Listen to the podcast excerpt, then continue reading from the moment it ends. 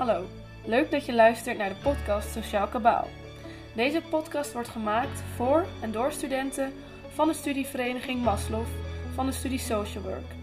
In deze podcast gaan we samen met gastsprekers in gesprek over de opleiding, het studentenleven, het werkveld en de maatschappij. Heel veel luisterplezier. Oké, nou, uh, goedemiddag. Welkom bij de derde aflevering van de podcast Sociaal Kabaal van de studievereniging Maslow. En vandaag uh, zit ik weer uh, aan tafel met Christine en ik zelf Lars. En vandaag hebben we een nieuwe gast en dat is Niek. En Niek komt vandaag aanschuiven bij ons om mee te praten over discriminatie. Niek, zou je jezelf even kort kunnen voorstellen en vertellen nou, wat je vanuit DMG allemaal doet? Ja. Wat DMG is? Mijn naam is Niek Peters en ik ben directeur van Discriminatiemeldpunt Groningen, wat afgekort dus DMG is. En uh, Discriminatiemeldpunt Groningen, ja, what's in the name? Wij zijn het meldpunt voor mensen die zich gediscrimineerd voelen in de provincie Groningen. Dus we zijn niet alleen stad, maar ook provinciebreed actief. Uh, dat houdt in dat alle inwoners die zich op een manier ongelijk behandeld voelen, die kunnen daarmee bij ons terecht. En afhankelijk uh, van wat er gaande is, proberen wij samen met die mensen op zoek te gaan naar een oplossing. Dat kan maatschappelijk zijn en dat kan juridisch zijn.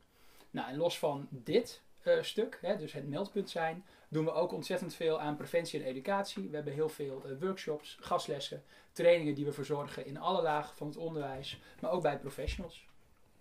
Top. Goed om te weten. En, en wat, voor, uh, wat voor dingen moet ik me daarbij voorstellen? Bijvoorbeeld, je zegt we doen preventie. Wat, doe je dan bijvoorbeeld? Nou, wij proberen uh, een aanbod te creëren waarin we zoveel mogelijk doelgroepen kunnen bereiken. Hè? Dus we willen graag kinderen bereiken. Dat kunnen we via de basisschool doen. Mm Middelbaar onderwijs bereiken we. Nou, wij zijn ook wel eens bij Maslow geweest. En hebben we gesproken op een, op een symposium waarin we een onder, uh, onderdeel centraal zetten. Dan ben je met de aankomende professionals bezig. Um, maar ja, het gaat heel vaak over een aspect van discriminatie. Uh, bijvoorbeeld een vorm van discriminatie als racisme arbeidsmarktdiscriminatie proberen we uh, te trainen met mensen die ook uh, bij hun bedrijf over werving en selectie gaan. Uh, specifiek over vluchtelingen kunnen we het hebben, over transgender personen en hoe zij in aanraking komen met discriminatie. Echt preventie educatie, daar kun je alle kanten mee op. Dus we hebben ook een heel breed aanbod daarin. Ja, ja precies. Klinkt ja. breed inderdaad. Ja, precies. En op heel veel vlakken. Ik ben heel benieuwd, hoeveel meldingen krijgen jullie zo gemiddeld in de nou, maand, jaar, of wat rekenen jullie? Ik denk dat het goed is om het op jaarbasis te benoemen. ja. Um, nou, het, het, fluctueert wel een beetje per jaar. Het ligt er namelijk ook een beetje aan of er in het land een gebeurtenis is die ervoor gaat zorgen dat mensen bijvoorbeeld uit principe een melding gaan doen. Mhm. Nou, als we een, laat ik het tussen aanhalingstekens, een gewoon jaar nemen waarop er weinig geks aan de hand is, dan zitten wij zo tussen de 200 en 300 meldingen op jaarbasis vanuit de provincie Groningen. Maar we hebben al wel eens meegemaakt dat er iets voorvalt. Uh, we hebben dat afgelopen jaar nog gehad, toen uh, in het begin van de coronacrisis op Radio 10 een of ander carnavalsnummer werd uh, uh, geïntroduceerd. Waarbij Chinese mensen uh, op een hele vervelende, denigrerende, nou ja, een beetje stereotypische manier werden neergezet. En dan komen er bij ons binnen een week ook gewoon opeens 100 meldingen binnen van Chinese Groningers. Of Groningse Chinezen. En nou ja, dat zorgt er dan voor dat je soms ook gewoon daar heel hoog boven zit. Oké, en dat is dan dus inderdaad op basis van een gebeurtenis waar dan heel veel mensen zich door nou, gediscrimineerd voelen. Ja, in het verleden hebben we bijvoorbeeld ook de, de minder minder Marokkanen uitspraak van oh, Geert Wilders gehad. Mhm. Eh, meldingen rondom bijvoorbeeld ehm, eh, opmerkingen die richting Sylvana Simons geplaatst werden toen zij uh, zich uitsprak tegen Zwarte Piet. Mhm. nou, dat zijn van die, van die landelijke gebeurtenissen die ervoor zorgen dat er ook echt bijna een bulk aan meldingen binnenkomt van mensen die uit principe iets melden. Maar die willen het dan daar eigenlijk ook bij laten. Hè? Dus voor ons, wij registreren dat soort meldingen. Mhm. Ze worden in onze cijfers meegenomen. Maar dat zijn natuurlijk een ander type meldingen dan iemand die op school gepest wordt. Of iemand die op de arbeidsvloer gediscrimineerd wordt.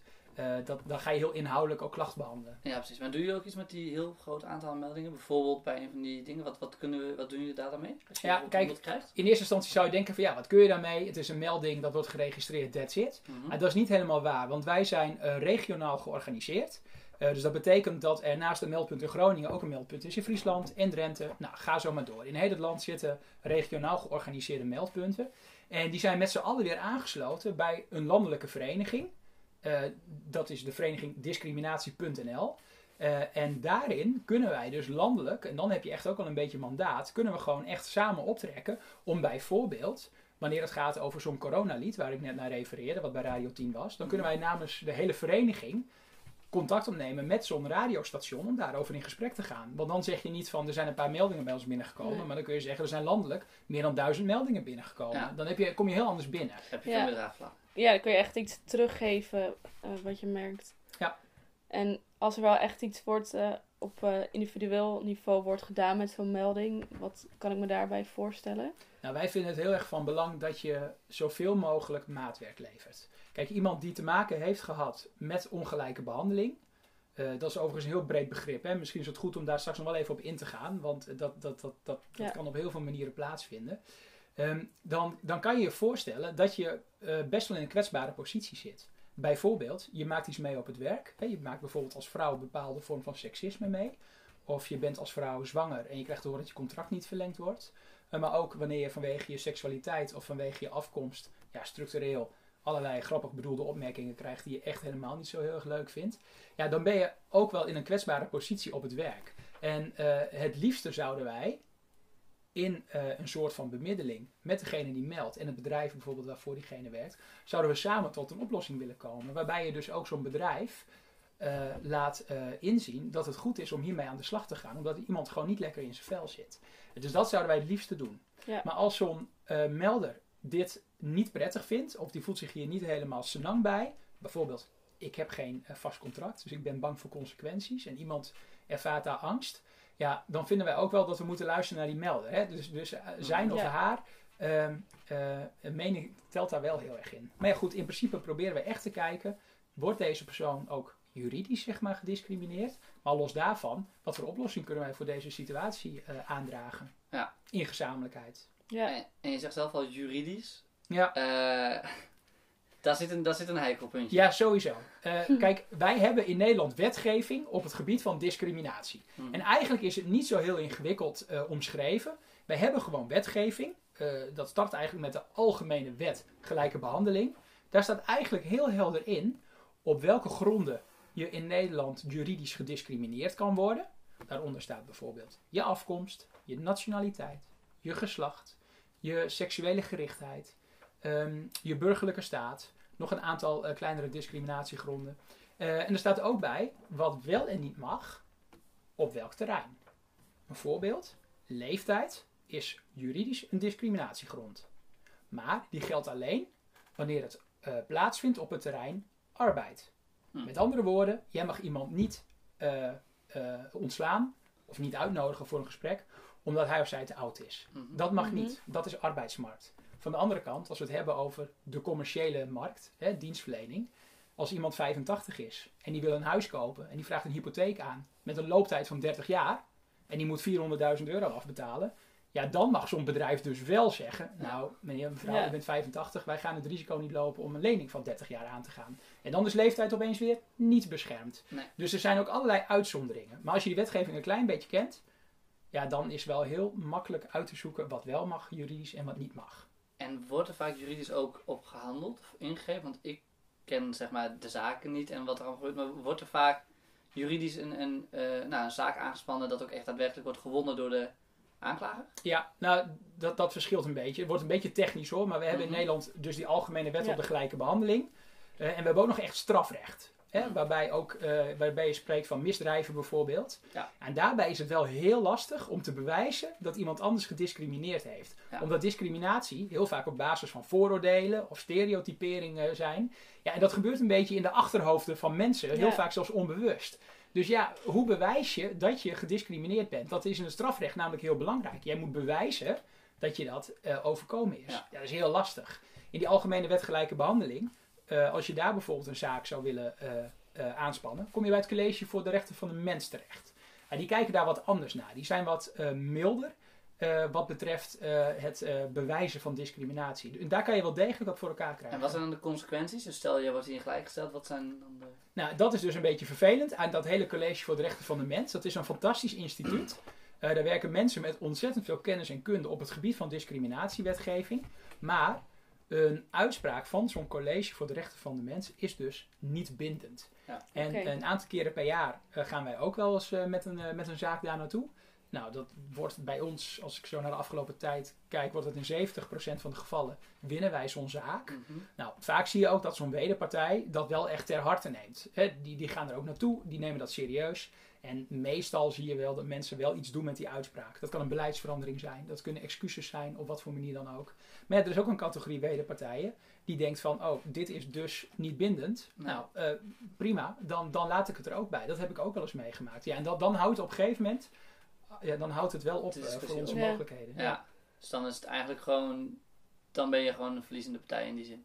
Je kan Ja. zelf niks meer maken om je zin te krijgen. Ja, en voor ons houdt het dan ook op.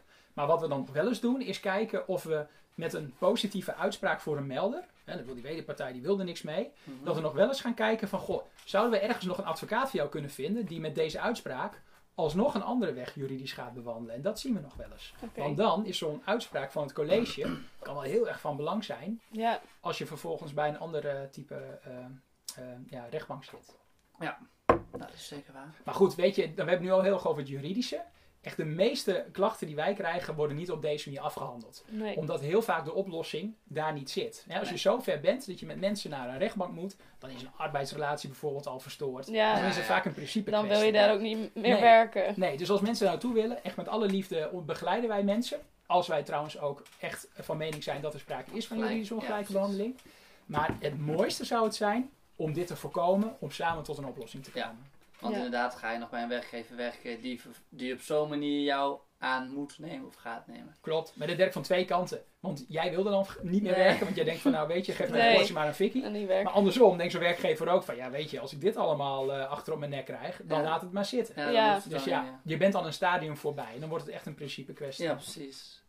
Ik denk dat het goed is om ook even het maatschappelijke gedeelte van discriminatie bij te pakken. Ik denk dat voor social workers dat een, inderdaad een groot belang is. Discriminatie is een maatschappelijk probleem. Vraagteken, Sowieso. uitroepteken. Ja, nee, ik zou er een, eh, een uitroepteken achter Ja. willen zetten. Eh, ik, ik snap wel dat, dat je daar ook een vraagteken achter zet. Ehm, maar ik denk wel echt dat het een maatschappelijk probleem is. En ehm, ik denk dat heel veel mensen die zelf niet te maken krijgen met discriminatie, of af en toe een keertje, eh, onderschatten hoeveel invloed het heeft op iemand wanneer je eh, met regelmaat vanwege een kenmerk waar je zelf niks aan kan doen, eh, benadeeld wordt, niet serieus genomen wordt, nou ja, in sommige gevallen zelfs wat belachelijk gemaakt wordt. Eh, soms is dat heel bewust. Heel Mhm. vaak voel je ook iets aan de onderkant of je denkt, hé, hey, hier klopt iets niet. Dit heeft gewoon impact op mensen. En daarom denk ik dat eh, discriminatie een breed maatschappelijk probleem is. Wat zich niet alleen doorvertaalt in wat iemand overkomt, maar dit zie je ook terug uiteindelijk in uitval op de arbeidsmarkt. Ja, Eh, er zijn bepaalde groepen mensen die zijn misschien oververtegenwoordigd in een bijstand of in een uitkering. Ja. En dan kunnen we heel snel en makkelijk zeggen, oh, dan moeten die mensen maar beter hun best doen. Maar als jij een meisje bent en je ouders zijn Marokkaans en jij draagt een hoofddoek omdat je moslima bent en je merkt dat jij structureel niet wordt uitgenodigd voor een stageplek of voor een arbeidsplaats, ja, na 30 keer solliciteren, dan heeft dat ook effect op jouw eigen eigenwaarde, maar ook in je vertrouwen in de maatschappij. Nou, dan komt zo iemand misschien terecht in een uitkeringspositie, gaan de inkomsten naar beneden, vertrouwen van de maatschappij wordt nog slechter, je krijgt een gat op je cv, ja precies. gaan nog meer jaren overheen en een probleem is geboren. Hm. En dit is niet één geval, dit zijn heel veel mensen. Ja, Dus uiteindelijk, eh, voor de mensen die denken dat discriminatie wel meevalt, en je wil het eh, bijvoorbeeld een beetje commercieel benaderen, discriminatie kost je dus ook gewoon geld. Ja. En dat alleen al zou voor sommige mensen dan al een reden moeten zijn om mee aan de slag te gaan. Maar maatschappelijk gezien, de impact op mensen is echt enorm. ja, ik kan me voorstellen dat het eigenlijk een soort afwijzing is van je identiteit. Zo zie ik dat een beetje. Ik denk dat je dat heel goed ziet. Kijk, en sommige dingen, als het bijvoorbeeld gedrag zou zijn, ja, daar heb je misschien zelf niet Ja, invloed maar op. dit is gewoon wie je bent. Ja, je kiest er niet voor om eh, hetero, bi of Nee. homoseksueel te zijn. Je kiest er niet voor, al de- dus denken sommige mensen dat, om transgender te zijn. Je kiest je huidskleur niet. Eh, geloof, ja, daar kun je over discussiëren. Eh, maar dat is soms ook echt zo cultureel bepaald Mm. en zo vanaf je jeugd al meegegeven. Dat mensen belangrijk die zelf voor religieus zijn, die vinden dat niet een keuze. Hè? Dus ehm, ook daar eh, houdt deze wetgeving rekening mee. Ja, en op basis daarvan dan afgewezen worden, ja, dat is gewoon heel vervelend. Want je kunt er niet zoveel aan veranderen. Nee, Ik denk ook dat er in de afgelopen tijd, ook sinds corona, best wel veel eh, voorbeelden zijn waarin je juist, juist het verschil veel meer ziet. En bijvoorbeeld alleen al met de coronamaatregelen had je dat. De mensen die naar de kerk gingen, of mensen die gelovig zijn in dit geval, die mochten met heel veel naar de kerk. toen heeft die Tim Hofman heeft een keer een discussie gehad. Ik weet niet of je het gezien hebt. Ja, zeker. En ik vond dat een hele interessante discussie. Want Tim zei ook een aantal keer, die haalde dat dan aan. Dat is oh, eigenlijk gewoon discriminatie van mensen die niet gelovig zijn. Want waarom mogen jullie wel met zoveel heen? Ik weet, ja, als je het gezien hebt, dan is het ideaal. Ik weet ook niet hoe je daar tegenaan kijkt. Gewoon als je het heel ja, uh, van deze tijd neemt, coronatijd. Wat vind je daar dan van? Dat, dat bepaalde groepen daarin ja, bijvoorbeeld bevoordeeld of benadeeld worden?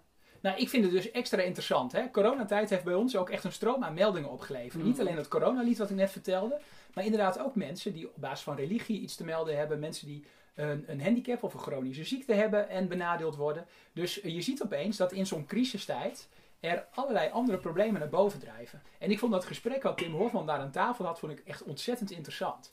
Omdat um, hij ook de vrijheid uh, uh, van geloof aanstipte, mm. maar daar ook heel erg een bepaalde grens en belemmering aan uh, nou ja, stelde vanuit zijn eigen visie. Ja. En ik vind het dus ook juridisch vooral heel interessant.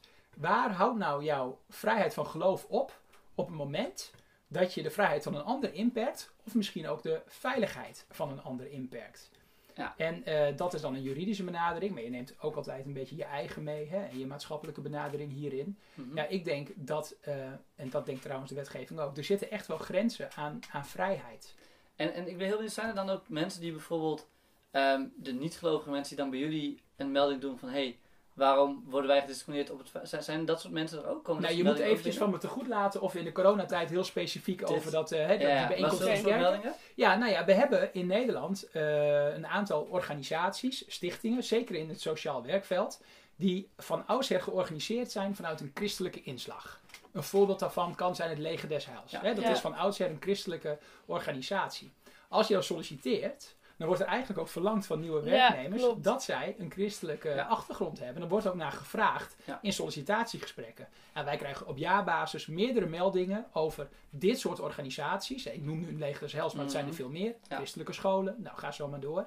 Waarin mensen aangeven van, joh, weet je, ik mocht niet eens op gesprek komen, want ik ben atheïst. Of ik ben moslim. Of ik... Nou, Joodse mensen hebben niet per se heel veel in Nederland, dus dat zien we niet zoveel. Maar met name atheïsten melden dat bij ons wel. Mhm. En ehm, ik snap wel dat mensen het heel vervelend vinden gaan we er ook even juridisch naar kijken. Mhm. Ja, dit mag dus. Ja. Een organisatie, wanneer die een stichting is, of in ieder geval een non-profit organisatie, die mag dus zich beroepen op geloof. Dit mag een commerciële organisatie overigens niet. dus als jij christelijk bent en je hebt een, uh, een, uh, een boekenwinkeltje, uh, wat een commerciële bedrijfsvoering is, ja, dan, dan mag je nog zo christelijk zijn, dan, dan geldt dit niet voor jou, want je bent niet maatschappelijk. En, en, en waarom? Want is dat het grote verschil? Omdat het een maatschappelijke een non-profit organisatie is, mag jij dus discrimineren ja. zaakjes? Ja, het staat vaak in de statuten hè, van een organisatie. Dat wordt ooit uh, wordt dat vastgesteld. Mhm. Ja, en daar mag dat dan aan. Dat is dan weer die vrijheid van geloof. Ja. Zoals wij ook scholen hebben, hè, die mhm. vrijheid van geloof hebben. Wat vind je er zelf van? Dat die discriminatie wel mag? Uh, nou ja, ik, uh, kijk, ik neem altijd mijn persoon mee in, in mhm. dit soort werk ook. Uh, ja, ik zit zelf wel vaak ehm, uh, te denken van ja, weet je, als jij voor jezelf uh, je vrijheden wil uh, nou ja, behouden en je vindt ook dat jij bepaalde vrijheden hebt, dan vind ik eigenlijk dat je die een ander ook moet gunnen. Ja. En dus wat voor jou geldt, zou eigenlijk voor een ander ook in bepaalde mate moeten gelden. Mhm. En dan vind ik eigenlijk dat je daar best wel wat, um, nou daar mag je wel flexibeler mee omgaan. Ja.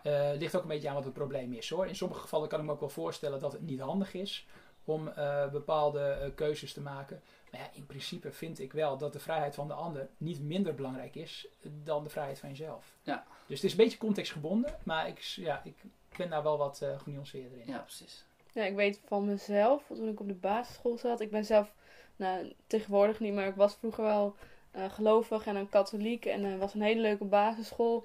En dat was dan uh, meer echt de andere kant. Ja, en dat was net die andere stroming. Dus ja, dat mocht niet. En uh, heeft mijn moeder echt nog wel een goed woordje gedaan. En toen mocht het uiteindelijk. Maar in eerste instantie zeiden ze ja, nee, ja, met katholiek, nee, dat mag niet. Nee. Terwijl toch wel ook weer hetzelfde geloof is. Ja, ik ben ook van katholieke huizen. Dus dit soort voorbeeldjes, die herken ik wel ja, een klein precies. beetje.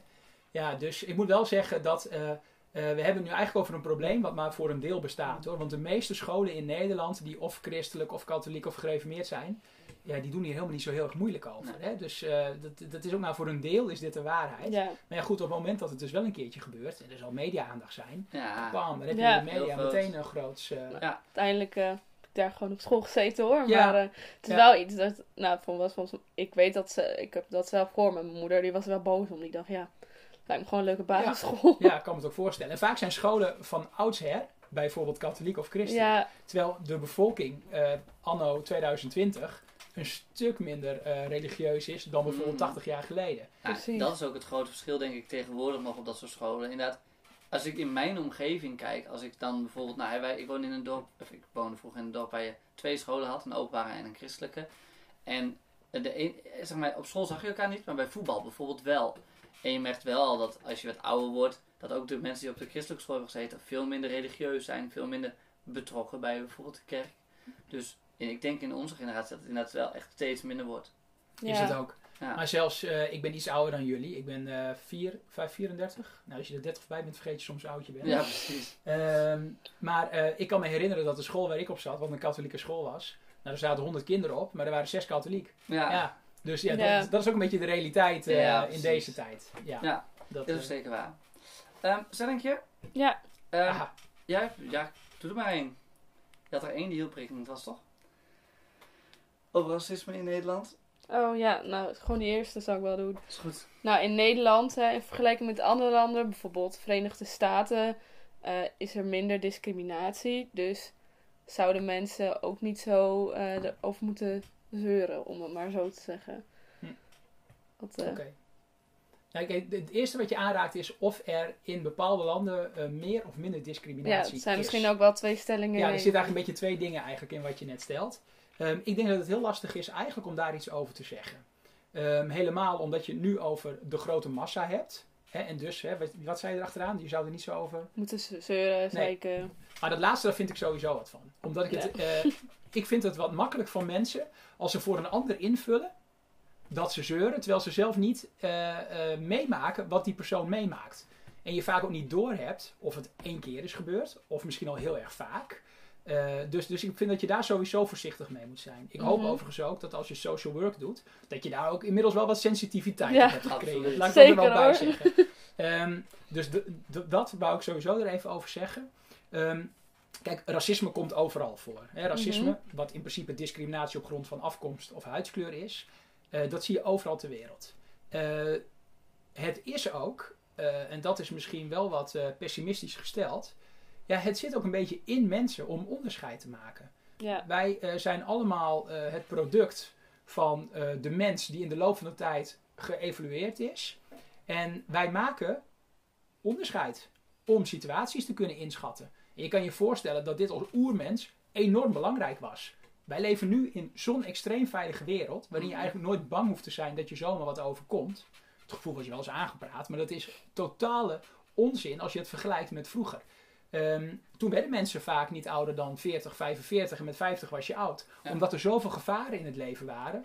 Uh, dus moest je ook situaties kunnen inschatten. En was het ook heel erg belangrijk dat jij bijvoorbeeld mensen die je niet kende, ja, dat je die toch enigszins probeerde in te schatten. Wat voor type heb ik voor me? Ja. Maar denk jij dat, dat wij als mens nu, want je zegt inderdaad, we leven vrij veilig. Denk je dat we ons bepaalde angsten aanpraten. En als je het dan bijvoorbeeld hebt over wat je wel vaak hebt van nou, als er een groepje donkere jongens loopt, dan loop ik er met een grote boog omheen. Ja, nou ik weet niet of mensen bewust om uh, andere groepen heen lopen. Mm -hmm. We weten wel uit onderzoek dat mensen die denken dat ze het niet doen, ja? het toch doen. Wel doen. Er is een keer onderzocht met een hele mooie VR-bril kregen mensen op hun hoofd. Mm -hmm. En die kregen een opdracht mee uh, bij een bushalte dat ze ja, ze moesten bepaalde informatie uh, uitzoeken die in het bushokje te, te halen was. Ja. Dat was hun opdracht. Oh, yeah. Maar ondertussen was dat helemaal niet waar de onderzoekers op letten. Nee. In die VR-wereld uh, stonden verschillende mensen van verschillende afkomsten. En ook sommigen in groepjes bij elkaar. Mm -hmm. Wat ze eigenlijk aan het doen waren, was meten hoeveel afstand er gehouden werd van andere mensen.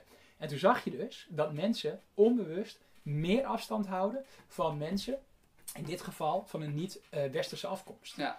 Dus uh, dat geeft ook maar aan hoe onbewust die processen in, in elkaar steken. Ja. ja. Ik ja, denk... Ja. Oh, ja. Ik denk sowieso ook, nou, sommige mensen hebben daar gelaten dat het vaak ook echt onbewust is.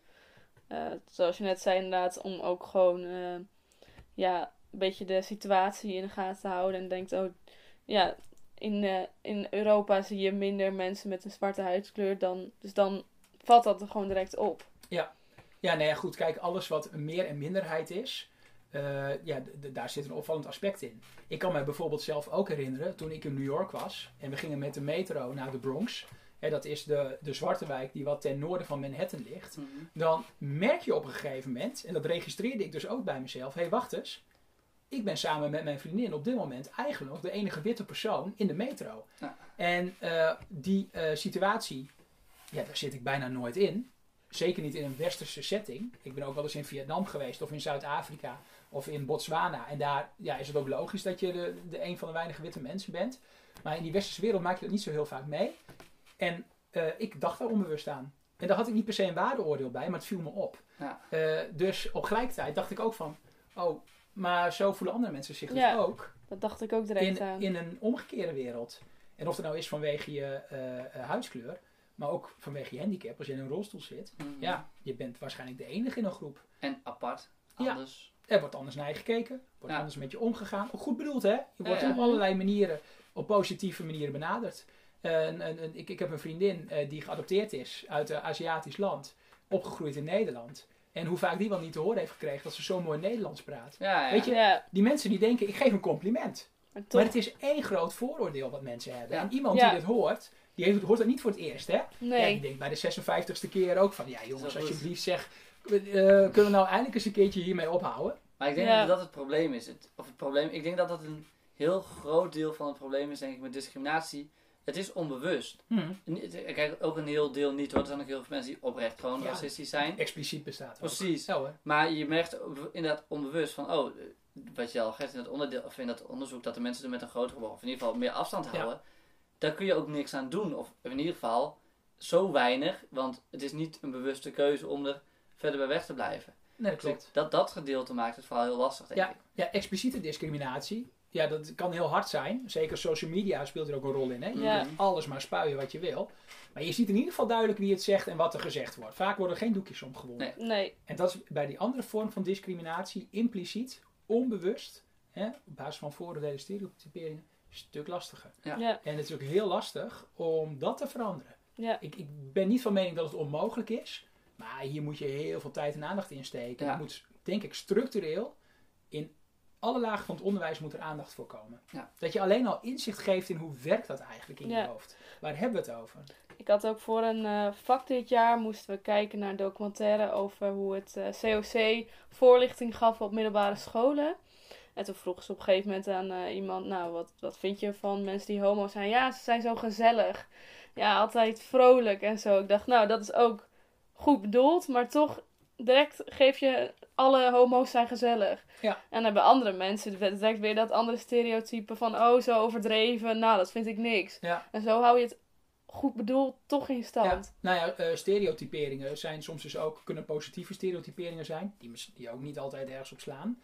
En uh, hier, hier kleeft dus wel een nadeel aan. Als je een vraag stelt van wat vind je ervan, ja. Uh, dan vraag je mensen eigenlijk ook een beetje om hun eigen stereotypen op te roepen. Ja. En het bevestigt dan ook nog eens een keer extra je beeld. Eigenlijk vraag je mensen om hun stereotype of hun vooroordeel te bevestigen. Dus ik zou zo'n stelling er ook heel anders ingooien. Um, ik moet eerlijk zeggen dat ik nu zo 1, 2, 3 ook niet weet hoe je hem goed kan ombouwen. Maar als je hem heel scherp stelt, dan ga je mensen eigenlijk vragen om stereotypisch te denken. Ja, en... je zou hem ook, ook om kunnen draaien en dan zou je de vraag op kunnen werpen: hoe kunnen we stereotypisch denken over homoseksuele mannen bijvoorbeeld tegengaan? Dan zet je mensen op een hele andere manier aan het denken over hetzelfde onderwerp. Ja, en door ook zo'n vraag te stellen, onbewust is het dan ook er is dus ook het is anders, dus je moet er een mening over hebben en er zo over hebben. Terwijl als je, nou, kijk, zo'n voorlichting is goed, maar om zo'n vraag te stellen, als je hem überhaupt niet stelt, dan normaliseer je het. Ja. Om het uh, ja. even zo te zeggen. Ja, nou kijk, wat in ieder geval mooi is als je dit soort voorlichtingen geeft, um, en dat, dat doet het COC ook heel goed, is dat je uh, altijd komt met mensen die, uh, die zelf bijvoorbeeld, in dit geval homoseksueel zijn. En als je het wil hebben over genderidentiteit, is het heel mooi om te komen met iemand die ook transgender is. Op, op, wat voor manier dan ook. Ja. Uh, wij hebben ook allerlei vrijwilligers die we meenemen wanneer we dit soort thema's bespreekbaar maken, omdat we die ontmoeting willen creëren. Ja. Ja, en dan blijven we een beetje weg bij die scherpe stellingen. Gaan we veel meer op zoek naar de verbinding tussen mensen. Zodat je iemand niet meer ziet als, hé, hey, dat is een transgender. Maar dat je iemand ziet van, hé, hey, dat is Willem. En Willem die eh, heeft ook een seizoenskaart bij FC Groningen. Of die komt ook uh, uit, uh, uit, uit Drenthe, want daar ben ik ook geboren. Dan ga je opeens iemand meer als persoon zien. In plaats van dat je hem als stereotype hokje nou ja, gaat bekijken. Is het stereotype denken verkeerd volgens jou? Nou, je kunt er niet zo heel veel aan doen. En wij worden van jongs af aan worden wij gewoon dagelijks gevoed met allerlei stereotype denkbeelden. Denk even terug aan toen je zelf jong was. Uh, in, in Sinterklaastijd, dan komt er zo'n brochure door de brievenbus van een of andere speelgoedwinkel. En dan kon je mooi, uh, ik weet niet of jullie dit meegemaakt trouwens hoor, maar ik deed het wel vroeger. Kon je dus bladeren door die brochures en dan zag je wat voor speelgoed er allemaal was. Nou, dat knipte ik netjes uit, dat ging op mijn verlanglijstje naar Sinterklaas in de schoen. Nou, als je even goed kijkt naar hoe dat soort advertenties eruit zien, dan zie je dus twee pagina's vol met van die waterpistolen en allerlei zwaarden van plastic en weet ik veel wat. Daar staan allemaal van die stoere jongetjes bij. Sla je een pagina om, dan zien we de speelgoed strijkijzertjes en stofzuigertjes. Dat zijn roze pagina's, dat zijn allemaal meisjes. Nou ja, en voor je het weet, je stereotypisch denken, word je zo als kind aangereikt en dan ben je drie of vier. Is het verkeerd? Nou, dat vraag ik me af. Ik, uh, dat, dat ligt eraan. Kijk, als jij van mening bent dat de hele wereld zoveel mogelijk zwart-wit ingedeeld moet worden, omdat dat lekker helder is. Hè? Mhm. Een man is een man, een vrouw is een vrouw, daar horen bepaalde eigenschappen bij. Um, en uh, dat is de enige manier waarop het gaat. Nou, als dat je instelling is, dan kan ik me voorstellen dat het voor die mensen ideaal is. Ja. Maar als we een klein beetje af willen van uh, stereotypes die ook heel vaak niet kloppen, ja, dan moet je daar denk ik op een bepaalde manier mee ophouden. Je ziet het overigens nu tegenwoordig al veel meer hè, in reclame? Mm. Diversiteit wordt veel meer een issue, er wordt veel meer uh, diverse reclame gemaakt. Dus we zijn al een heel eind op weg in vergelijking met 10 of 20 jaar geleden. Maar ik ben absoluut van mening dat dat van belang is.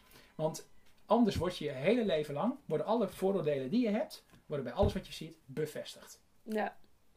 Nou, en je kunt er pas aan werken, uh, ten gunste ook van het gevoel van die mensen die er altijd mee geconfronteerd worden, als jouw stereotype uh, niet bevestigd wordt. Dat je een keer met je mond vol tanden staat. Dat je dacht, oh, ik had dit en dit verwacht, maar het blijkt toch zo en zo. Hm. Iedereen heeft een eerste indruk. En ik denk dat jullie ook wel een situatie kennen waarin je iemand voor het eerst ontmoet. En dat je denkt van, nou, dat is echt niet mijn type. Of dat je in het begin denkt, nou, die is echt leuk. En dan ben je een week verder en dan heb je die persoon een paar keer gezien. En dan denk Volop je, teruggekomen. Nee, dit, uh, dit, dit, dit, is, het niet. Nee. Uh, dus je, soms heb je het wel nodig om uh, nou even een keer niet bevestigd te worden in je eerste indruk. Ja. Ik denk ja. dat het erg van belang is, ook voor je persoonlijke ontwikkeling. Dat is zeker waar. Ja, voor je mensbeeld. Ja, zeker omdat je bij het ontmoeten van een nieuw persoon je anders meteen allerlei labels op iemand plakt. Op basis van uiterlijk, een eerste indruk. En hoe vaker je geconfronteerd wordt met het feit dat je vooroordeel niet klopt, uh, hoe sneller je ook wat neutraler naar andere mensen gaat kijken. Ja. Ik ben heel nieuwsgierig. Jordan Peterson? Nee. Ja, misschien als je me vertelt, maar zeg maar zo. Ja, dat is zo'n, uh, volgens mij is het een Amerikaanse hoogleraar die vooral heel erg met feminisme bezig is. En die zegt in een aantal dingen ook juist bijvoorbeeld, het is goed dat we verschillen kennen en hebben. En juist dat we dat houden, dat niet alles door elkaar loopt. En um, ik, dat, ik weet niet of, dat, of hij daar ook racisme en discriminatie over Um, maar in dat geval is het vooral feminisme. Hij zegt ook een aantal keer gewoon in stukjes van... Het is goed dat we die verschillen hebben. Mannen zijn fysiek sterker. Dus ja, die uh, kunnen het werk beter doen qua scheppen. Eh, zwaar werk bijvoorbeeld, scheppen, harken. En vrouwen zijn daar fysiek minder goed in. En hebben van het gevoel meer liefde te willen geven. Dus het is goed dat zij bijvoorbeeld de verzorging ingaan. En hij zegt juist, dat is misschien wel goed voor de maatschappij. Want anders ga je dingen doen die je nou, niet bij jouw fysieke bouw horen of zo. Wat vind je van iemand die dat, want hij heeft heel veel volgers? Uh, ja, nou ja, ik, weet je, zoveel mensen, zoveel meningen. Mm -hmm. ik vraag me af wat de vrouwelijke feministen ervan vinden dat een mannelijke hoogleraar dit namens een ander benoemt. Dat vind ik al wel, dat vind ik ten eerste al interessant als ik dit hoor. Ja. Um, ja, wat vind ik daarvan? Kijk, er zijn zoveel van die dingen die als puntje bij paaltje komen gewoon helemaal niet, niet, niet, niet kloppen. Ja. Uh, we hebben het over dat, het, uh, dat, dat de vrouw uh, de, de zorgende taken op zich neemt en dat dat van nature zo is. Nou, iedereen die terugkijkt in de geschiedenis, die weet dat dat totale onzin is. Want als we ook nog onderzoek doen naar bijvoorbeeld stammen die zich niet aan de westerse normen hebben aangepast. In het Amazone heb je zulke groepen mensen nog wonen. Daar zijn zorgtaken gewoon verdeeld over mannen en vrouwen. daarin zijn vrouwen ook bezig met het verzamelen van voedsel. Dus ik vind het kortzichtig om van, van die stereotyperingen uit te gaan, dat dat ook de waarheid is, omdat het heel erg cultureel bepaald is door de ogen van onze tijd en onze normen en waarden. Ja. En ik denk dat als ik dit zo hoor, ik moet ook eerlijk zeggen, ik ben geen hoogleraar, dus ik heb hier ook geen onderzoek naar Mhm. gedaan. Maar ik heb hier wel veel over gelezen en ik denk dat de werkelijkheid iets anders zit. Dus, En ehm, is het goed dat we op die manier daarmee omgaan? Nou, ik denk het niet. Omdat je mensen te- eh, remt in hun ontwikkeling. En andere mensen voordelen meegeeft eh, die ze misschien helemaal niet eh, per se nodig hebben. dus Ja. een iets te westerse blik. In Ik vind het een hele westerse blik. Niet alleen een westerse blik, ook nog een westerse blik van deze tijd. Mhm. Ja. Wat is mannelijk? Kijk eens Ja, terug naar de 17e eeuw. Wat was mannelijk? Hè, de, de zonnekoning, Lodewijk hè, in Frankrijk, die, werd af, die was wit gepoederd. Die had een pruik op. Die had Mm. maillots aan. Ja, die had eh, roze kleding aan. En dat was toen het toonbeeld van mannelijk. En dan hebben we het over 250 tot 300 jaar geleden. Ja. Nou, en dan, dat is een hele andere vorm van mannelijkheid dan wat, wat er nu is. Ja. Dus eh, wat, wat, ja, wat mannelijk vrouwelijk is, destijds gebonden, plekgebonden, contextgebonden. Ja, precies. Ja, zit je toch niet goed bij social work. eh. Ik, eh, nou ja, als je, als je dat eh, beeld zou volgen. nee, nee, ik volg het beeld niet. Ik vind het gewoon een hele interessante man. Nee, precies. Dus ik, vond het, ik vind het altijd, ik vind het wel leuk om dingen te kijken die, als er een soort van idee achter zit, wat, wat anders is, of tenminste hij is bijvoorbeeld, nou hij vindt, hij vindt dat mannen en vrouwen compleet anders zijn en dat, hè, dat- hij vindt daar wat van. Ik vind het leuk om dan te kijken, hij gaat er vaak in talkshows zitten en dan wat je zegt dus tegenover vrouwelijke feministen. Ja. En hij vindt het dan fantastisch om die discussie aan te gaan. Dat vind ik leuk om te zien. Ja, De, die vrouw zei inderdaad hetzelfde. Het is heel eh ouderwets wat hij ook doet. Ja. Heel erg eh, zwart-wit denk ik. Hij zegt, je zet ook alleen met mensen tegen elkaar op. En dan zie je ook dat, dan gaat die discussie weer... eh, Maar dit is net wat ik benoem. Als Mhm. jij wil dat mensen tot elkaar komen, dan moet je misschien geen discussie gaan voeren. Dus ik ben daar altijd al een beetje huiverig voor. Ja. Ik zou dat in onze workshops nooit doen. Nee. Op deze manier discussies voeren. Overigens ben ik het wel met je eens. Ik vind het super interessant om naar dit soort mensen te luisteren en te kijken. Omdat het me ook weer aan het denken zet. eh, van ja, wat vind ik hiervan? Haal ik hier nog iets uit wat voor mij nieuw is? Eh, Ja. Ja, ik, weet je, het is ook goed om jezelf te ontwikkelen. Ja. Ja, Je moet ook niet denken dat je altijd alles weet. nee, juist goed om, als je een bepaalde mening hebt, om ook andere standpunten Ja. te horen. Anders blijf je dus weer in die stereotypen. Ja. en, en- tegengeluid is wel belangrijk inderdaad. Want dan kun je zo... Kijk, als je, er nog, als je denkt, ik haal er nog iets uit. Waar je denkt, van, oh, misschien was ik daar zelf niet helemaal eh 100% goed in. En als je juist allemaal dingen hoort waarvan je denkt, nou, dan zit ik toch met mijn eigen mening. Ben ik het er gewoon echt goed mee eens. Dan weet je ook, of ja, heb je er goed over nagedacht. Ben je er goed achter gekomen, denk ik. Nou, ik vind het ook een leuke tip om dit eens gaan te, be- te beluisteren Ja, en te kijken. Ja, Jordan Peterson is wel echt een hele interessante man. Ja. Kun je altijd op YouTube opzoeken. Je krijgt zo'n hele Oh ja. tv-shows. Ja, is een hele bekende man. Ja. Ehm, heb je nog leuk zijn? Ja, even kijken. Volgens mij hebben we ook wel dingen een beetje Ja, we hebben heel veel overloop in de... besproken. Ja, Nou, hier deze misschien nog. eh, ja, bedrijven die discrimineren zouden een boete moeten krijgen. Oh ja. Ja, dat vind ik echt een interessante stelling. Eh, omdat ik het niet zo goed weet, om heel eerlijk Nee. te zijn. ik bedoel, welk probleem los je ermee op om een bedrijf een boete te geven? ja bewustwording misschien. Ja, maar wordt er iemand bewust van als hij meteen een, eh, een, een dikke factuur eh, onder zijn neus krijgt die hij moet betalen? Helpt dat om het bedrijf te bewegen om niet te discrimineren? Ik- denk dat ze dan wel heel huiverig zijn. Oké, dat moet ik niet doen. Maar meer om de boete. En niet om van, goh, ehm, waarom eh, eigenlijk. Mhm. Maar meer van, ja, oh, je moet geen boete krijgen. Dus eh eh, je moet wel Ja. eh, ehm, ja, ben je goed nou handelen. of intrinsiek precies. gemotiveerd om iets te doen? Nee. Of je moet in de vorm van wat je mensen doen die bijvoorbeeld betrapt worden met rijden en alcohol achter het stuur, dat je zo'n cursus krijgt. Zo'n verplicht. eh, Ja. Dat je tegen zo'n bedrijf zegt, oké, als ze ervoor beboet worden, moet een management of sollicitatiecommissie of wat het ook maar is, verplicht een lezing, workshop, iets. Nou, dan zit je meer op bewustwording ook, hè, om Ja. leren. Ik denk dat dat beter is. En overigens, ik ben van huis uit onderwijskundige. Ik heb voor de klas gestaan, ik heb daarna onderwijskunde gestudeerd. Mhm. Ik ben dan toch meer van de aanpak eh, goed gedrag belonen. En niet Mhm. in plaats van altijd een slechte bedrag, eh, gedrag, eh, nou ja, dat, dat je daar, dat je het bestraft. Ja. Ehm, wij hebben het hier ook wel eens over eh, in onze organisatie, maar ook wanneer wij met overheden praten. Als je eh, wil stimuleren dat bedrijven in jouw eh, regio eh, werken aan een diverse personeelsbestand, hè, wat heel veel oplevert. Ik kan eigenlijk ook een uur vol lullen over wat het je oplevert om als organisatie divers te zijn, maar los Ja. daarvan. Hoe stimuleer je dat? Stimuleer je dat nou door allerlei regels te gaan opwerpen om ervoor te zorgen dat mensen zich daaraan moeten houden? Of ga je kijken, kunnen wij bedrijven die het heel goed doen op een bepaalde manier, op een positief, eh, eh, eh, in, in, een- in een positief, ja precies, zodat andere mensen denken, hé hey, wacht eens, hier hebben we het ook wat aan. Hè? Dat iemand ook uitlegt wat voor profijt een organisatie er allemaal voor heeft. Mhm. Dan ben je dus het goede bedrag, gedrag heel erg aan het belonen. Daar zou ik eerlijk gezegd veel meer een voorstander van zijn. Dus de conclusie met wat ze bijvoorbeeld zeggen van dat bedrijven minimaal zoveel vrouwen bijvoorbeeld aan moeten nemen, dat vind je niet, een, niet de oplossing. Nou, die zit er een beetje tussenin, want hè, je begon over een boete. Mhm. En uh, een, een, een quotum opleggen voor man of vrouw is niet per se een boete. Nee. Um, maar uh, ik weet niet of het bedrijf in het vervolg denkt van nou, we gaan dit ook doen omdat we het belangrijk vinden om aan onze man-vrouw verhouding te werken. Mhm. Eh, er wordt dus een andere uh, een reden gevonden. Het wordt, wordt een moedje. En dan heb je hetzelfde resultaat met een organisatie die eigenlijk helemaal niet achter dit beleid staat. Dus ik zou het veel mooier vinden, en misschien is dat een beetje utopisch, om ervoor te zorgen dat je ze beweegt om die keuze uit zichzelf te maken. Neem niet weg dat ik het echt ontzettend van belang vind dat vrouwen uh, in sommige gevallen wel de kans krijgen om zich in zo'n positie neer te zetten. Omdat ze gewoonweg minder kans maken op die positie. En je kunt uh, daarover discussiëren en zeggen: nee, maar als iemand goed is, dan komt hij daar wel terecht. Nou, als dat zo is, dan betekent het eigenlijk, als we naar het besturen kijken, dan moeten we dan ook concluderen dat vrouwen dus hun best niet doen en mannen dus beter zijn. Want als je naar de cijfers kijkt, voeren de mannen daar de boventoon. Dus die vliegen gaat wat mij betreft niet op. En ze mogen daarin best wel een handje geholpen worden. Ja. Vind ik.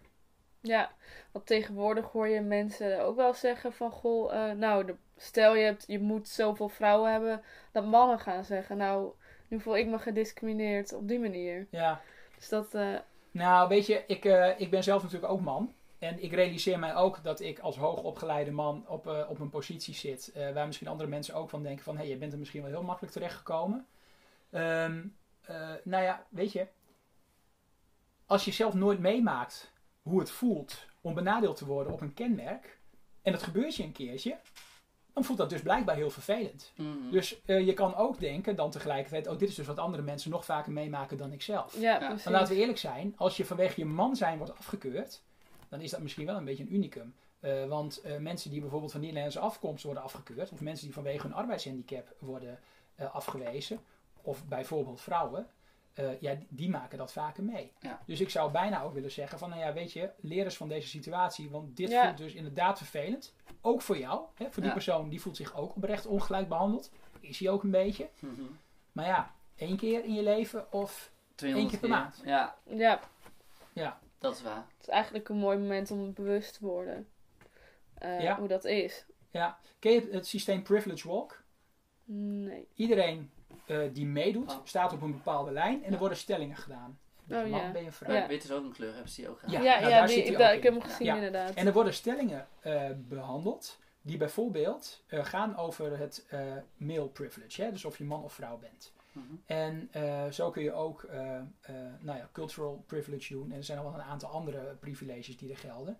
Kijk, aan het einde van het verhaal staan eigenlijk de mannen zoals ik dus, de hoogopgeleide witte mannen, die staan vooraan. Mm Andere mensen staan achteraan. Dat is eigenlijk, want je begint op één lijn, dus het lijkt alsof we allemaal op dezelfde uh, uh, lijn beginnen.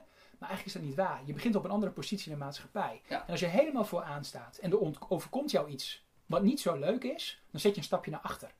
Maar dan ben je nog steeds ver voor op iemand die achter jou staat. Ja. En als je zo'n privilege walk doet, dan word je je daar dus heel erg van bewust. Ja. Andersom kan je ook voorstellen dat als jij vanwege wat voor reden dan ook helemaal achteraan staat, en je ziet andere mensen helemaal vooraan staan, dan denk je, jammer jongens, hoe kom ik daar ooit? Ja. Dan voel je ook even hoe het is om in die positie te zitten, dat dat heel erg frustrerend kan zijn. Ja. Andersom, als ik vooraan sta, en ik ga altijd maar rechtdoor, dan moet ik dus ook moeite doen om achterom te kijken en te denken, oh wacht eens even, achter mij gebeurt ook nog wat. En je kan ook niet iedereen kwalijk nemen dat ze alles maar zien. Want nee. soms, het, het is gewoon niet helemaal uh, je eigen uh, uh, wereld. Nee. Je leeft in je eigen bubbel. Ja, en dat is het ook Ja. vooral, denk ik. Je leeft, je, eigen, je leeft met, meestal met mensen om je heen die ongeveer uit dezelfde economische klasse Ja. komen. ehm, over het algemeen dezelfde huisvlug, dezelfde afkomst Ja, hebben. je dus zoekt elkaar op. Precies, Ja. je hebt ook gewoon, ehm, ik bedoel, hoogopgeleide mensen die elkaar daten komen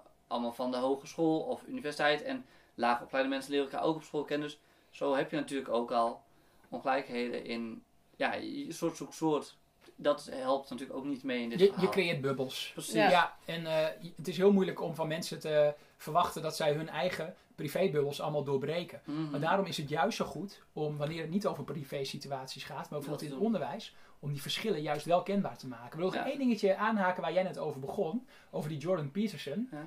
Eh, dat ging over eh, gelijkheid. Hij zei, je moet juist ook verschillen eh, accepteren. Ja, kijk, je zult mij niet horen zeggen dat iedereen gelijk is. Want mensen zijn per definitie niet gelijk. Nee.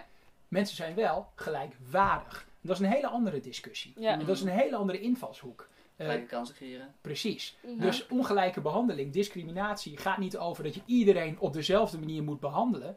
Nee, je moet iedereen gelijke kansen geven. Ja. Ja. Want anders zou je kunnen zeggen, nou, bij mij in de winkel, daar ligt een voordeurdrempel van 5 centimeter. Daar moet iedereen overheen, gehandicapt of niet. Ja. Ik behandel iedereen Mhm. gelijk. Ja. Nee, je moet die mensen een gelijke kans geven om jouw winkel binnen te komen. Dat is een andere benadering. Ja. Dat is overigens ook de benadering die je in de wetgeving terugvindt. Ja, volgens mij is er ook wel zo- zo'n plaatje. Dan heb je eerst links, krijgt iedereen. Staat er blok. zo'n voetbalwedstrijd. Iedereen eerst één blok. En de kortste persoon die kan nog steeds niet zien. En die langste, die heeft het blok helemaal niet nodig. En dan kun je uiteindelijk beter gewoon de kortste persoon Ja. twee blokjes geven. Ja. Ja. Ik gebruik in mijn workshops heel vaak een plaatje waarin een professor achter een tafel staat. En er zitten er vier di- dieren voor zijn neus. Een kip, een aap, een vis in een vissenkom en een olifant. Oh En dan zegt hij, eh, jullie moeten allemaal, jullie krijgen allemaal dezelfde opdracht. Eh, jullie moeten allemaal in die boom klimmen daarachter en wie het eerst is, die wint. Ja. Ja, Dat, dat is eigenlijk gelijk behandelen. Ja. ja, Ongeacht precies. iemands kenmerken. Maar daar gaat het dus niet om. En dat is hetzelfde wat jij net benoemde. Ja. Ja, ja, die kende ik ook Ja. wel. Eh. Het is wel grappig dat er inderdaad heel veel verschillende soorten plaatjes of illustraties zijn die hetzelfde duiden Ja. aan eh Ja. relaties. En soms heb je zo'n voorbeeldje nodig om te denken, hé verrek, zo zit het. Ja, Ja. ik vond het wel ook hele mooie voorbeelden. Ja. Toen ik die voor de eerste keer zag, dacht ik... Ja, Ja. het is inderdaad ook hoe, hoe het is. Of hoe ik het Ja. zie. Ja. Dat past wel. Nou ja, dit, en dit, eh, hier gaat het dan om. En dat Ja. is dus nog een reden waarom ik het dus niet met die Jordan Peterson eens ben. Ja. Eh, kijk, we hebben ook, als we het hebben over bepaalde organisaties, dan heb je het ook over bedrijfscultuur. Mhm. Nou, het woord cultuur zegt het al, dat is iets wat in de loop van de tijd erin geslepen is. Ja. Wij eh, zijn ook geneigd om eh, kenmerken als leiderschap, sterk leiderschap, eh, eh, visionair zijn, dat zijn, worden vaak aan mannen toegedicht. Mhm. Dat soort eigenschappen. En we gaan er ook vanuit dat dat per se noodzakelijk is om een goede leider te zijn. Ja, precies. Maar hoe zit het met sociale sensitiviteit? Heb jij oog voor iedereen in die organisatie? Zit iedereen lekker in zijn vel, waardoor die optimaal tot bloem, bloei komt? Mhm. Nou, als we het hebben over dat soort sensitiviteit, dat zijn er weer eigenschappen die met name aan vrouwen toe ge- eh, ge- eh, gelabeld worden. Die dat wil niet zeggen dat dat per se- belangrijk gezien. Ja, maar er wordt dus door bedrijfscultuur ook niet als belangrijk geacht, want de bedrijfscultuur is anders, Ja. maar is enorm van belang. En dan moet je alsnog afvragen of dat per se een mannelijke of vrouwelijke eigenschap is. Dat is zeker waar. Want volgens mij gaat dit door gender heen. Ja, dat denk ik wel. Maar jij zit er ook als man en je hebt ook social work gekozen. Ja. En daar zullen mensen ook van zeggen, nou, dat is echt wel een beetje een vrouwenopleiding. Ja, nou als je op de opleiding kijkt, dan is het ook echt Ja, zo. nee, ik heb ook PABO gedaan. Ja. Ik was ook een van, eh, van de vier jongens op een klas van 30. Ja, Dus ik denk dat je als man zijt in social work zelf ook wel een beetje herkent dat gender eh, en eigenschappen, dat, dat, dat, dat, ja, dat kun je niet zo makkelijk aan elkaar nee, labelen. klopt. Nee, dat is ook zo. Maar je, uit elk voordeel wel je nadeel, je bent wel weer een van de weinige mannen in het werkveld. Ja, en dan eh, willen misschien veel bedrijven juist wel die ene man hebben. Precies. Word je als man toch weer Ja, eh, nog een keer extra. Ja, Ja, ja, dat. ja. Ja, dat is ook zeker waar. Dat soort dingen, daar kun je ook zo weinig aan doen. Nee, dat klopt. Het is, Ja. ja, er kiezen weinig mannen voor Ja. in dit geval. Ja, nee, kijk, ik kan me ook voorstellen dat het fijn is om in je team een bepaalde balans te hebben. Mhm. Op verschillende vlakken, maar dat is ook waar diversiteit over gaat. Ja, juist Ja. die balans. Als je ook alleen maar jonge, eh, jonge mensen in dienst hebt die net van een opleiding komen, die zijn wel heel vers en hebben heel veel recente kennis in huis. Eh, maar daarvan zou je kunnen zeggen, die missen ervaring. Dat is nog maar de vraag, hè, of die Ja. ervaring missen. Want je weet niet wat ze allemaal al hebben meegemaakt in hun leven. Ik ken ook mensen die al tegen de pensioneren leeftijd zitten, waarvan ik denk, nou, ja, je doet dit al heel erg lang. Maar om nou te zeggen dat je het allemaal heel verstandig aanpakt. Ja. Dus ook, ook daarin eh, is het niet altijd, eh, dat zou een vooroordeel zijn namelijk. Ja. Ja. Maar de mix is mooi. Ik ben nog heel nieuwsgierig. Wit is ook een kleur, natuurlijk een vrij uitgesproken documentaire. Ik weet niet voor de mensen die het gezien hebben. Eh, heb je hem gezien? Ja, maar wel eh, lang geleden. Ja. Maar ik heb hem wel gezien. Wat, wat vond je van de. Nou, ja, hoe zeg je dat? Zij heeft natuurlijk ook heel erg eigen mening. Eh, ik weet niet hoe ze heet. Sunny Bergman. Sunny, ja. Eh, hoe vind je van de manier hoe zij de documentaire heeft neergezet? Vond je haar neutraal? Of? Nou, ik uh, zei wat zij goed doet, laat ik daarmee beginnen. Mhm. Zij presenteert alles vanuit heel veel rust. Ja. dat vind ik al een, een, een, heel mooi gegeven. Dat iemand op een rustige manier zijn of haar punt probeert te maken. En dat is iets wat Sunny Bergman wel doet. Ja. Maar Sunny Bergman is wel heel activistisch. En kijk, diep in mij zit ook een activist. Alleen in mijn werk neem ik mijn activistische houding niet mee. Nee. Omdat ik merk dat activisme in het professionele werkveld vaak averechts werkt. Daar hebben we net over gehad hè, met die stellingen. Dus ik probeer heel veel uh, een beetje juist de middenpositie op te zoeken en vanuit nuance uh, dingen bespreekbaar te maken. En ik kies dan bijvoorbeeld, als het wel gaat over wat zou je doen, nou dan speel ik bijvoorbeeld even advocaat van de duivel. Dan ga ik eventjes heel bewust, en dat benoem ik ook, even tegenovergestelde spelen. Um, nou, en daar zet je mensen wel mee aan het denken. En um, ik weet niet precies, um, ik, ik vind de documentaire zelf uh, inhoudelijk uh, goed hoor, want ik ben het met heel veel dingen die zij zegt eens. Maar ik vraag me dan altijd af, uh, bereik je ook de mensen die je wil bereiken? Ja. Kijk, de mensen die het met je eens zijn, die zullen alleen maar Ja. zeggen van, Goeie. ja joh, dit vind ik ook. Ja, dit wist ik nog niet, maar het meeste wist ik wel. Goed, goed, goed. Maar ik zou het dus heel mooi vinden dat mensen die dus wat negatiever tegenover deze thema's staan, naar aanleiding van zijn documentaire denken van, oh wacht eens even, hier moet ik wat mee. Mhm. En er zitten wel goede elementen in. Ik Want, vond het eh, heel sterk. het uh, fietsen-experiment zit hier ook in.